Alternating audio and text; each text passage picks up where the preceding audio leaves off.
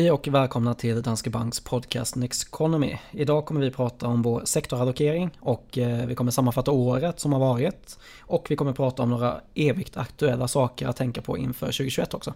Ja, det blir många spännande ämnen i dagens podd. Många spännande och viktiga ämnen skulle jag säga. Verkligen. Men om vi börjar med årets Aktuellt då, bara för att sammanfatta vad vi har varit med om här i år, så måste vi ändå säga att det är covid-19. Ja, det är svårt att välja någonting annat tror jag och det finns ju väldigt mycket att säga om coronaviruset och eh, coronakrisen. Precis, en sak skulle vara den börsnedgång som det faktiskt blev av det. Och då är det så att MSCI World gick ner 34% från den 12 februari tills den då vände igen. Så 41 dagar framåt från 12 februari gick den ner 34% innan den vände. Och sen var den tillbaka igen efter 151 dagar. Så, och detta är alltså för MSCI World då. Mm, så det är ett eh, historiskt brant börsras och även en eh, väldigt kraftfull återhämtning. Men den är inte lika unik. Nej, exakt. fortfarande en kraftfull återhämtning. Och bara för att jämföra det här med någonting så kan man jämföra det med finanskrisen. Då var det alltså från den 31 oktober 2007 gick den ner 57,8% 489 dagar framåt. Så det var till början på 2009 då. Eh, så det, det tog lite längre tid där. Det här var ju ett väldigt brant fall på, på kort tid alltså. Och det är ju en av de största skillnaderna och jag menar finanskrisen den var ju orsakad av obalanser som byggts upp i det finansiella systemet. Vilket gjorde att det fanns problem som behövde rättas till i form av reglering av marknaden, det var felprissättningar av risk på olika eh, värdepapper och så vidare. Så att efter finanskrisen så fanns det väldigt mycket som behövde så att säga eh, korrigeras och balanseras om och det där tog ju tid och gjorde att lågkonjunkturen blev ihållande och att även börsutvecklingen var negativ under ganska lång tid. Någonting som också dröjde då det var ju för centralbanker och regeringar att agera. Det tog ganska lång tid innan man förstod allvaret i den här krisen. Innan centralbankerna agerade kraftfullt både med räntesänkningar och QE och framförallt innan myndigheterna klev in för att försöka stötta marknaden och se till att, att det fanns eh, stöd för företag, likviditet med mera. Eh, men den här gången då så har det ju inte sett ut så. Utan den här gången så gick det fort. Fed gick ut helgen innan man skulle gå ut med nästa räntebesked och sänkte räntan. Man gick på kort tid hela vägen ner till noll. Och tittar man på hur det sett ut totalt sett under eh, 2020 så har världens centralbanker sänkt räntan 190 gånger. Och man har också köpt en rekordstor eh, volym obligationer. Det är också en rekordstor stor volym obligationer globalt som handlas till negativ ränta idag. Eh, varje timme då köper centralbanken obligationer för 1,3 miljarder dollar. Det vill säga 1,3 miljarder dollar i timmen. Ren likviditet in på marknaden som ju ger stöd åt eh, alla typer av finansiella tillgångar egentligen. Och ser till att den här liksom likviditeten, smörjmedel på marknaden finns där. Mm. Och det har ju skapat några trender som vi har kunnat se under året också. Vi kommer att prata mer om sektorer senare men någonting som man har sett är ju till exempel IT som har gått väldigt starkt och det är framförallt då digitaliseringstrenden som har förskjutits lite från framtiden in i nutid kan man säga. Och den pågick väl egentligen innan den här krisen också fast det gick mycket långsammare. Då var ju digitalisering en av de starka strukturella samhällstrenderna. Men det här har ju i rekordhög takt gjort att nya målgrupper sökt sig ut på nätet för att jobba hemifrån, för att shoppa, beställa mat, konsumera nöjen, umgås med vänner och familj och så vidare. Så att en utveckling som annars hade tagit åratal har ju gått på några månader eller ett halvår. Mm. Och sen, eh, det är intressant det där, vi kommer till, mer till det senare, men just att IT är ju ändå en sektor som man har sett som mer cyklisk tidigare. Alltså nu har den ju gått väldigt starkt i en recession. Eh, så det där är ju något nytt också kan man säga som är ganska unikt. Och också då att nu när vi har gått in i en recession som är vi själva har skapat. Då är frågan om, om det är en vanlig konjunkturcykel som vi har. Eller om vi ens hann vi avsluta den förra konjunkturcykeln. Ja. Eh, så det, det, är lite intressanta grejer men jag tänker vi kommer kanske mer till det senare. Ja men jag skulle bara vilja pitcha in där att eh, apropå att IT har varit mer cykliskt. Alltså det finns ju faktiskt ett cykliskt inslag i IT. Och det är ju det här alltså capex investeringar. Så tittar man på vad bolag investerar i så finns det ju dels ja, men maskiner och anläggningstillgångar. Men sen har du också investeringar i IT som ju alla bolag gör från industribolag till digitala bolag investerar ju i mer avancerade eh, system och tekniker, eh, digitalisering. Det kan man se överallt. Så att IT-sektorn drivs också av investeringar och det är ju någonting som kommer i en konjunkturuppgång mm. när företagen investerar. Ja, de har ju såklart också bra de här låga räntorna då. Ja, det gör de. Sen har man gjort undersökningar om vad företagen planerar att satsa på, dels under krisen och sen efteråt. Och då är det just investeringar i det digitala som man inte kommer skära i alls på samma sätt som man gör i andra typer av investeringar. Eh, och apropå digitaliseringen så även om vi får ut ett vaccin på marknaden så kommer inte alla gå tillbaka till de gamla vanorna. Det är klart att det finns ett uppdämt behov av att gå på stan och eh, gå med en kompis och kolla i butiker men eh, man tittar på undersökningar så säger ungefär hälften av alla som handlar online att de kommer fortsätta med det här digitala beteendet också efter krisen. Mm. Ja, det finns ju och samma sak med hemarbete. Det är väl också något vi kan se att det kommer öka. Så vi har ju fortfarande den här diskussionen om kontorsfastigheter och vad det kommer få för effekter här framöver. Mm. Eh, bra, jag tänker på eh, vi ska gå vidare och eh, gå till årets fråga. Och det är ju då vart är aktiemarknaden på väg? Det är väl alltid årets fråga kan man säga men det har varit ännu mer så. Det har varit mycket där, är det dags att köpa, är det dags att sälja mm. under året? Det är en fråga som vi har fått från våra kunder också. Och den kommer ju oavsett om vi befinner oss i ett brant ras eller på väg rakt uppåt. Rasar det så är det ungefär hälften som frågar ska man sälja och kliva av och hälften frågar är det, är det köpläge nu när det har gått ner så mycket. Mm. Och samma sak egentligen på vägen upp. När vi noterar rekord så kommer ofta frågan ska man sälja nu när vi noterat börsrekord. Eh, är det dags att plocka, och kliva, av, kliva av marknaden? Eller är det dags att köpa? Eller är det dags att alltså, köpa om man för då att det hade ska gått, fortsätta upp? Ja, om man hade gått ut på botten så måste man ju komma in någonstans igen och då går man ju gärna in när det börjar kännas väldigt bra i magen igen. Ja. Och då har man ju kommit ganska högt upp på den där kurvan ofta. Mm. Men just när det gäller aktiemarknaden då så är det ju alltid svårt att spå börsen på kort tid då. Men vi har ju i våra strategier ändå en prognos eh, för vad man kan tänka sig att avkastningen kommer hamna i för spann givet förutsättningar vad gäller ränteläge, tillväxt och så vidare. Och de kommande 12 månaderna så ligger det spannet på 3-8% som det ser ut nu. Men sen så ska man väl säga att som långsiktig sparare så är det ju bättre att just tänka långsiktigt, inte fundera så mycket på huruvida börsen ska upp eller ner de kommande tre månaderna eller året. Och att spara regelbundet, så långsiktigt och regelbundet. Och vi har ju ett väldigt bra exempel på det här. Vi har nämligen tittat på hur det skulle se ut om man sparat 10 000 kronor varje år i 25 år. Det vill säga man eh, täcker in både IT-bubblan och finanskrisen under den här sparperioden. Då. Och då har vi gjort tre exempel med de här 10 000 kronorna varje år. Antingen att man sparar med perfekt timing, det vill säga man köper på botten varje år i 25 år. Vi har också räknat på hur det ser ut om man köper på toppen varje år, den högsta noteringen på börsen varje år. Och då om man köper den första handelsdagen varje år, det vill säga ingen timing alls. Vilket kanske är mest troliga. Har man då haft perfekt timing, alltid pricka botten, då har kapitalet vuxit till 1 019 000 kronor. Har man haft usel timing, köpt så dyrt det bara går varje börsår, då hade man haft ganska precis 800 000 kronor. Så att eh, 200 000 mindre ungefär. Men det mest sannolika det är kanske ändå att man hade haft eh, ingen timing alls. Ibland var det dyrt, ibland var det billigt och ibland mittemellan. Och då hade kapitalet vuxit till 935 000. Så att ingen timing hade alltså gett 8% sämre avkastning än perfekt timing. Så pricka toppar och bottnar, det är ju omöjligt mer eller mindre.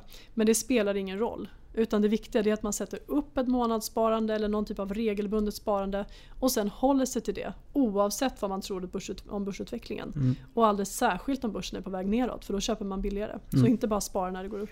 Ja, precis. Och en viss betydelse har det ju ändå för det är någon hundratusing där som är skillnad. Men jag menar om man står utanför börsen helt då kommer man ju inte ens få ta del av den här sämsta timingsavkastningen. Och det är fortfarande en bra avkastning. Det har vi pratat om tidigare, att tid på marknaden slår timing av marknaden nästan alltid. Mm. Och om man står utanför marknaden nu, om man kanske inte har vågat sig in igen efter coronakrisen. Ja men ofta så är det ändå så att eh, här ska man in med allting på en gång. För eh, som sagt, tid på marknaden är oftast bäst. Ju längre pengarna får jobba desto bättre för avkastningen. Men är det så att man, in, man känner sig osäker, alltså man kanske är rädd för att det kommer ännu en krasch, ja men då är det bättre att portionera ut det. För om man inte kan ta den här smällen att nu får vi en nedgång igen på kanske 10, 20, 30% som det var i våras. Eh, ja men då ska man nog hellre portionera ut det för då slipper man den här ångeraversionen. Alltså det är jobbigt för oss att behöva ångra beslut i efterhand. Slänger man in alla pengar, det rasar kraftigt, ja då är det ett beslut som man kanske får ångra.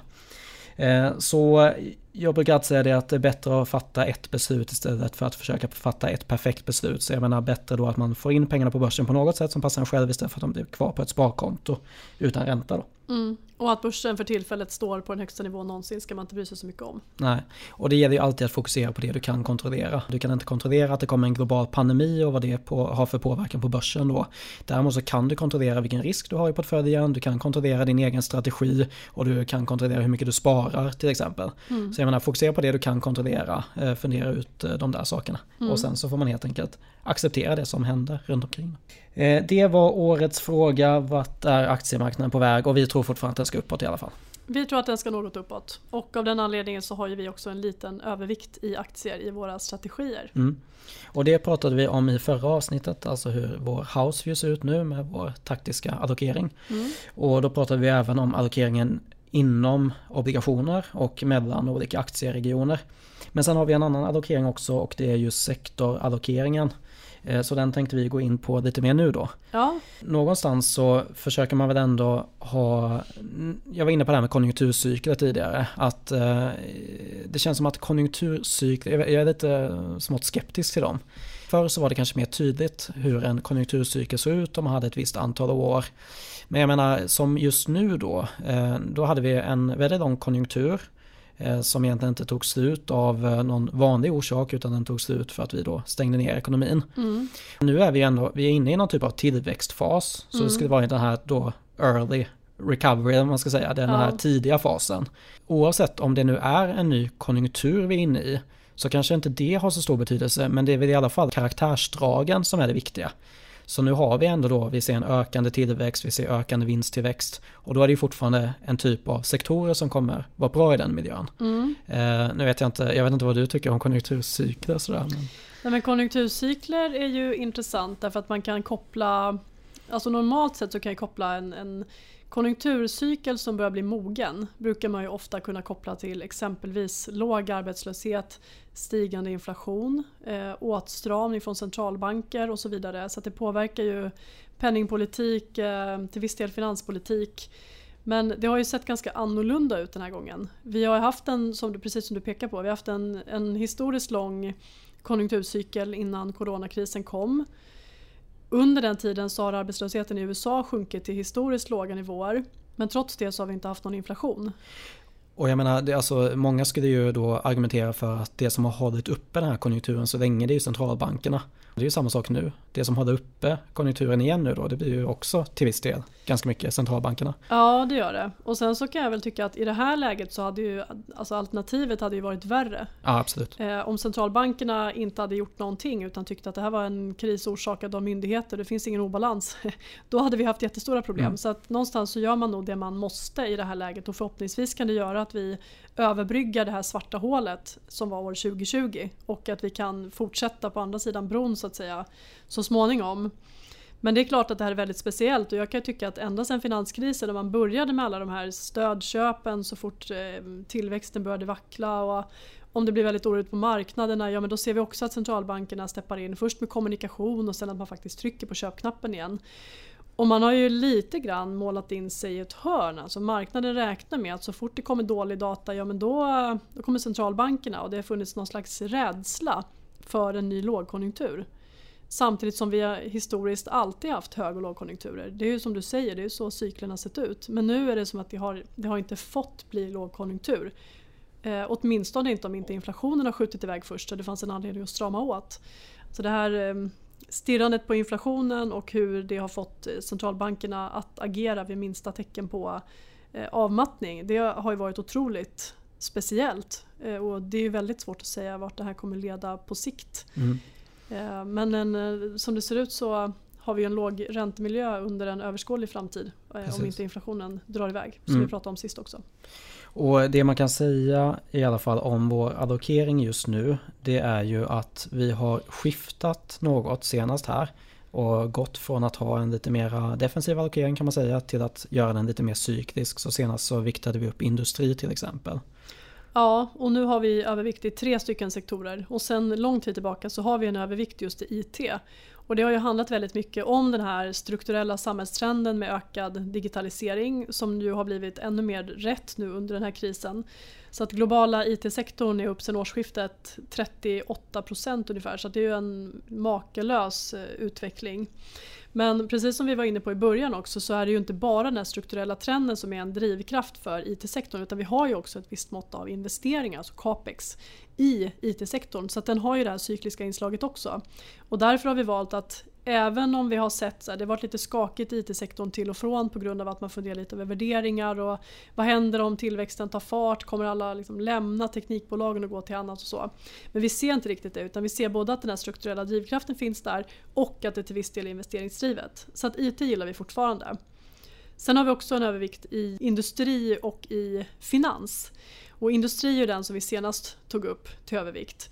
Och det handlar ju väldigt mycket om att det här just är cyklisk tillväxt som gynnas när eh, ekonomin tar fart, när investeringarna kommer igång. Det här är eh, värdebolag med starka balansräkningar, ofta stabila utdelningar åtminstone eh, utanför coronakrisen. Så um, vi har velat öka upp den typen av exponering i portföljerna inför att vi väntar oss starkare tillväxt senare under 2021. Framförallt tack vare de positiva besked vi fått kring vaccin. Sen har vi sedan en tid tillbaka också en övervikt i, i finans, bank och finans.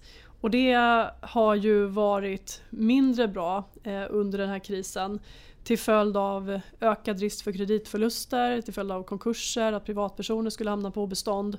Men också att räntorna nu har dels fallit tillbaka ännu lägre i stora delar av världen och att utsikterna för räntehöjningar och stigande räntor har bleknat och det drabbar ju lönsamheten och räntenetton för bankerna.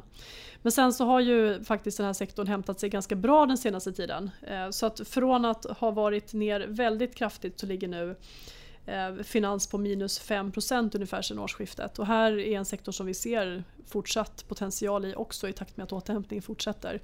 Och även räntorna stiger något under nästa år när ja. tillväxten tar fart. Precis, och det man ska vara medveten om är att det här är ju bara små förändringar som vi gör då i sektorallokeringen. Så jag menar, det är inte som att vi går in och tar ett stort bett i IT-sektorn utan då är det bara på marginalen som vi har en övervikt där. Då. Ja precis, det här gör vi små förändringar i och de här förändringarna ska jag säga också de är ju ännu mindre än de vi gör på regionsnivå. Så att när vi har en övervikt i USA till exempel så är en, en enkel övervikt i USA är större än en enkel övervikt i IT-sektorn. Mm. Så att sektormässigt så är det väldigt små justeringar. Ja. En sak som kan vara bra att poängtera här också är ju diversifiering. Och då tänker jag på sektorer när man kollar på regioner också. Om man investerar allting i Sverige, ja då får det en ganska stor sektorexponering mot just industri och bank. Kan vara positivt nu. Mm. Men det är ju som sagt en ganska cyklisk sektor då som tenderar att gå bra i ett klimat som vi förhoppningsvis är på väg in i då. Om det inte är ett sånt läge i världsekonomin och i svenska ekonomin då kommer det ju inte se ut så. Så jag menar, har du en exponering mot enbart Sverige då kommer du ha en, ja, du kommer ha en sektorexponering som inte är optimal heller kanske. Det här kan man ju se också i eh, Norge är ju ett bra exempel på det här. För dels så har de en stor energisektor där som ju har gått väldigt svagt under året. Eh, men sen är det också så att de har ju andra sektorer då som är beroende av energisektorn, till exempel de norska bankerna. Så där blir det också om man bara har investeringar i Norge, ja men då får du dels då en stor sektorexponering mot energi men det är också andra sektorer som också drabbas när eh, oljepriset sjunker i princip. Mm, hela den inhemska näringen blir ju någonstans kopplad till oljesektorn eftersom den är så pass stor. Ehm, så det är en, eh, en viktig iakttagelse. Och apropå diversifiering då så är det viktigt både att man tittar på en diversifiering globalt i en portfölj men som sagt också att man inte går för tungt in i någon sektor. Därför att det här med timing det är svårt. Och har man en tro på någonting så ska man eh, tänka igenom hur pass mycket extra exponering man är villig att lägga där och vara medveten om vilka konsekvenser det kan få om det också blir fel. För timingen är alltid svår. Och sen så ehm, vill man göra en förändring så behöver man inte heller göra en större förändring på en gång utan det går ju även där om man vill addera lite mer IT i portföljen för att få den tilten. Starta en, ett litet kompletterande månadssparande eller lägg ett par procent av månadssparandet i en sån fond och bygga upp det gradvis istället för att ta en större kaka och bara flytta om det. Mm, precis, jag tänker att vi ska gå vidare jag tycker att det här kopplar ganska bra med risk, eh, diversifiering och risk. Det är ganska sammanslutet om man säger. Ja, vilken övergång. Faktiskt. Eh, och frågar man Howard Marks så skulle han säga att permanent förlust av kapital det är det som är risk. Frågar man Warren Buffett skulle han säga att okunnighet är den största risken.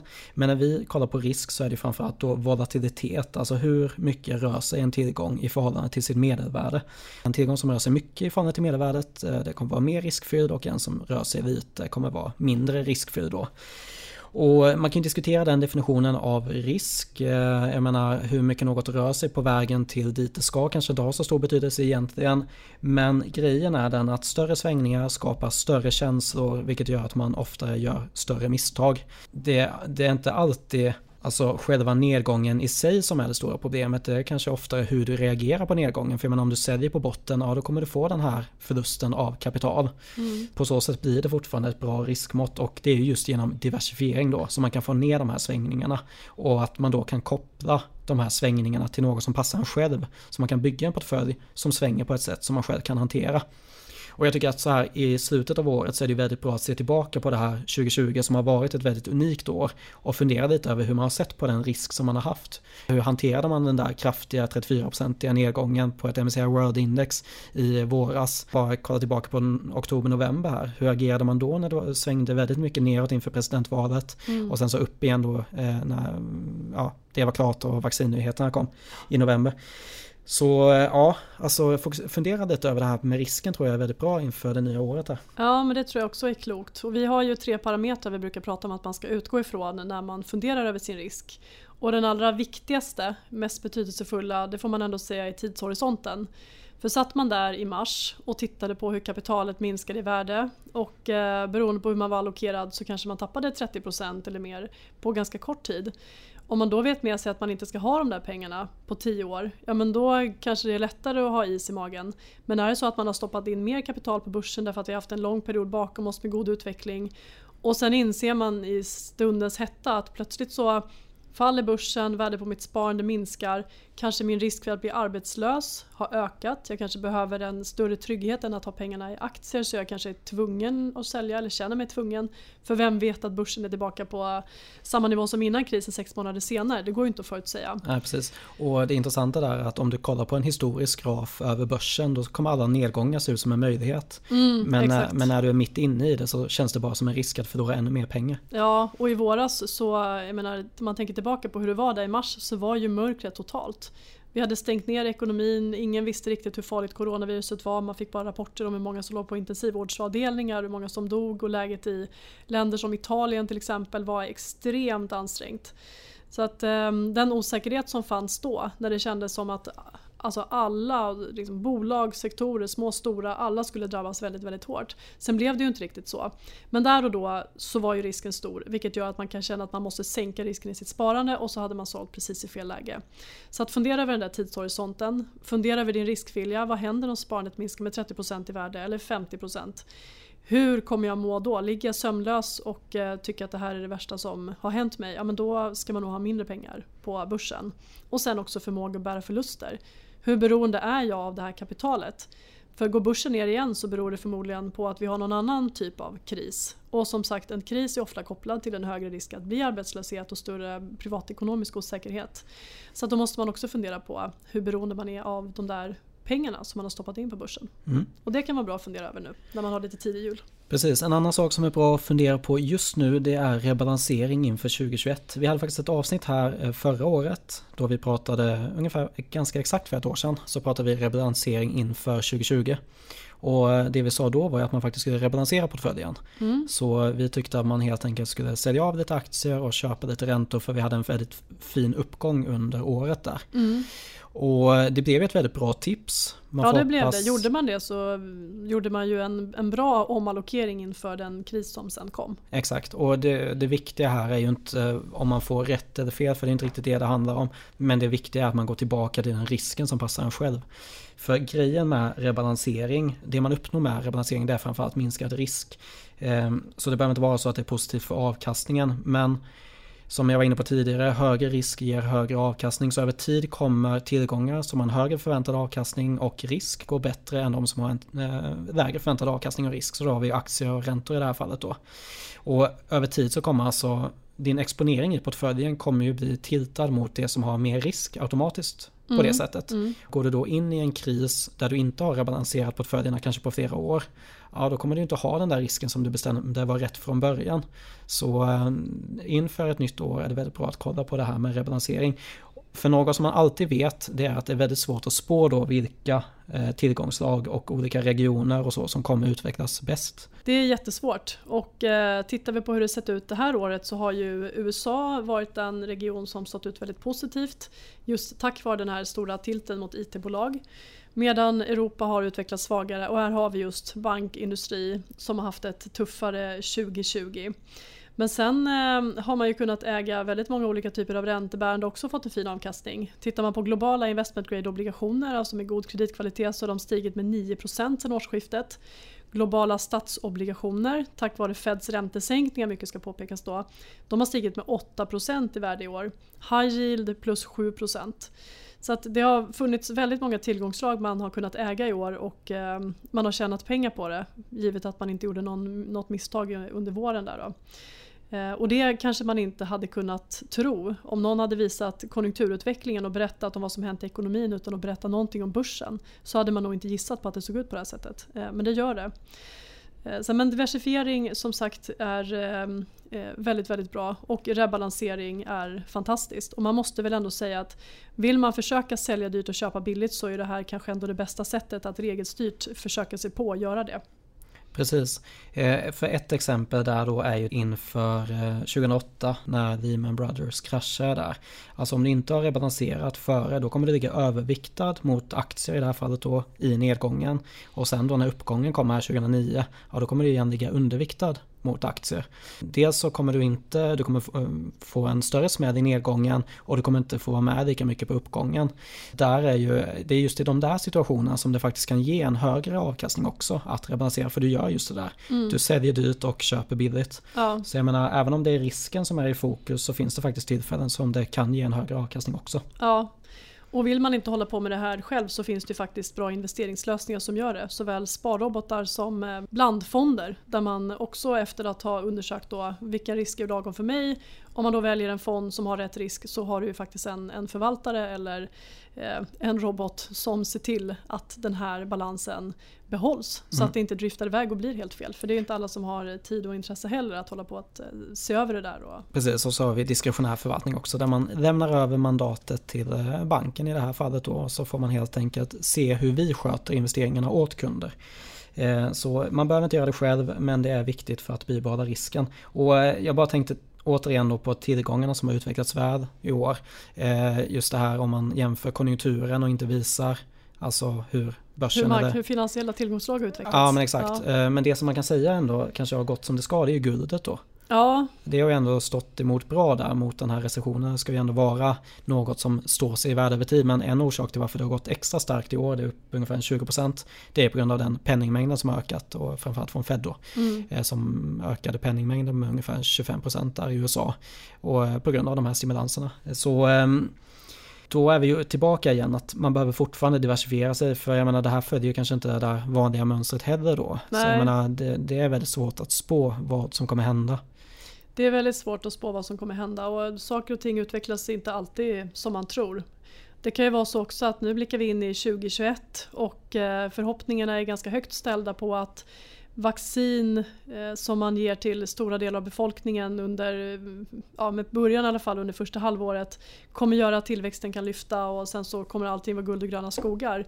Men det finns ju inga garantier för det heller. Och nu har vi haft ett år ja, dels förra året med en fantastisk avkastning på börsen och sen har vi fått en, en faktiskt ganska fantastisk avkastning i år också, speciellt mot bakgrund av krisen.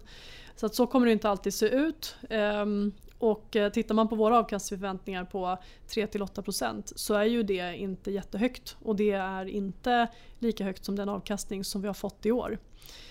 Eh, men eh, då, då blir det också det här att man tittar på den, den regionala allokeringen och tittar lite på sektorer också. För det blir ju också ett sätt att försöka få kanske en något bättre avkastning genom att eh, ha en tilt mot det som förväntas gå bättre och förhoppningsvis lyckas med det oftare än man misslyckas. Mm. Bra, med det så tänker jag att vi ska gå vidare till årets studie. Vad spännande. Årets studie. Årets studie det är Do Stocks Outperform Treasury Bills. Det är inte ett, en studie från i år och den är inte helt ny heller för vi har pratat om den tidigare. Men den är i alla fall från 2018 och det är Henrik Besenbinder som ligger bakom den. Och eh, det man gör i studien är att man jämför avkastningen för alla noterade bolag i USA under perioden 1926 till 2016 med avkastningen på en amerikansk statsskuldväxel. Och då är det alltså 25 300 bolag totalt och det visar sig alltså att topp 5 av de här bolagen har stått för 10% av överavkastningen. Och det är alltså ExxonMobil, Apple, Microsoft, General Electric och IBM. Så det är alltså bara fem bolag av 25 300 vilket ju är ganska unikt när man tänker på det. Eh, sen är det alltså topp 90, alltså 0,3% av alla bolag har stått för 50% av överavkastningen. Och sen är topp 1100, så alltså 4% av de här 25 000 bolagen som har stått för 100% av överavkastningen mot en amerikansk statsskuldväxel under den här perioden. Så resterande 96% har alltså en avkastning, har genererat en avkastning i nivå med en amerikansk statsskuldväxel som mm. grupp då. Mm. Och eh, det finns ju två saker man ska ta med sig från det här. Antingen så gäller det då att hitta rätt aktier, vilket är väldigt svårt. Eller så får man ju helt enkelt diversifiera och köpa så brett som möjligt. Och jag menar, köper man ett index så kommer ju de som ligger, alltså bolagen som ligger i det där indexet kommer ju förändras över tid. Men man kommer ju få med dem hela tiden för det kommer bytas ut och man kommer få med vinnarna hela tiden. Mm. Eh, så jag menar att investera brett är ju ändå det man eh, ska föredra. Och eh, en, ett exempel också, eh, Morgan Housel tar det här exemplet att Amazon stod för 6% av S&P 500s avkastning under 2018. Och det är alltså ett av 500 bolag då som står för 6% av avkastningen. Eh, men inte nog med det då, alltså majoriteten av Amazons framgång bygger på Amazon Web Services och Amazon Prime. Och det är ju bara två framgångssagor bland alla projekt, så jag menar som har misslyckats. Eh, så man kan ha fel en stor del av tiden men fortfarande tjäna en förmögenhet. Så det är alltså ett fåtal bolag och deras fåtal produkter som kommer stå för majoriteten av avkastningen som också kan komma på ett fåtal dagar över tid. Så jag menar investera brett och investera långsiktigt, det är verkligen det man ska göra. Mm. Eh, för ett fåtal saker kommer stå för majoriteten inom många områden och kanske framförallt då på börsen. Mm. Och tror man inte att man är den stockpicker som kommer hitta de där få bolagen som är framtidens vinnare då är det bättre att investera brett. Så det får nästan bli årets tips kanske som vi har kommit tillbaka till flera gånger idag. Diversifiera, diversifiera, diversifiera. Spara långsiktigt och spara regelbundet. Det tycker jag. Perfekt. Med det avslutar vi för idag. Ni får jättegärna ställa frågor i frågeformuläret eller kontakta oss på Twitter. Ni kan gå in på nexteconomy.se. Som är vår nyhetssajt där ni både hittar poddar, filmer och de senaste nyheterna gällande marknaden och vår marknadssyn. Och sen får ni jättegärna ge oss en julklapp också. Det är att gå in i Podcaster-appen och eh, ge oss ett betyg och möjligtvis en recension också. Det hade varit väldigt snällt.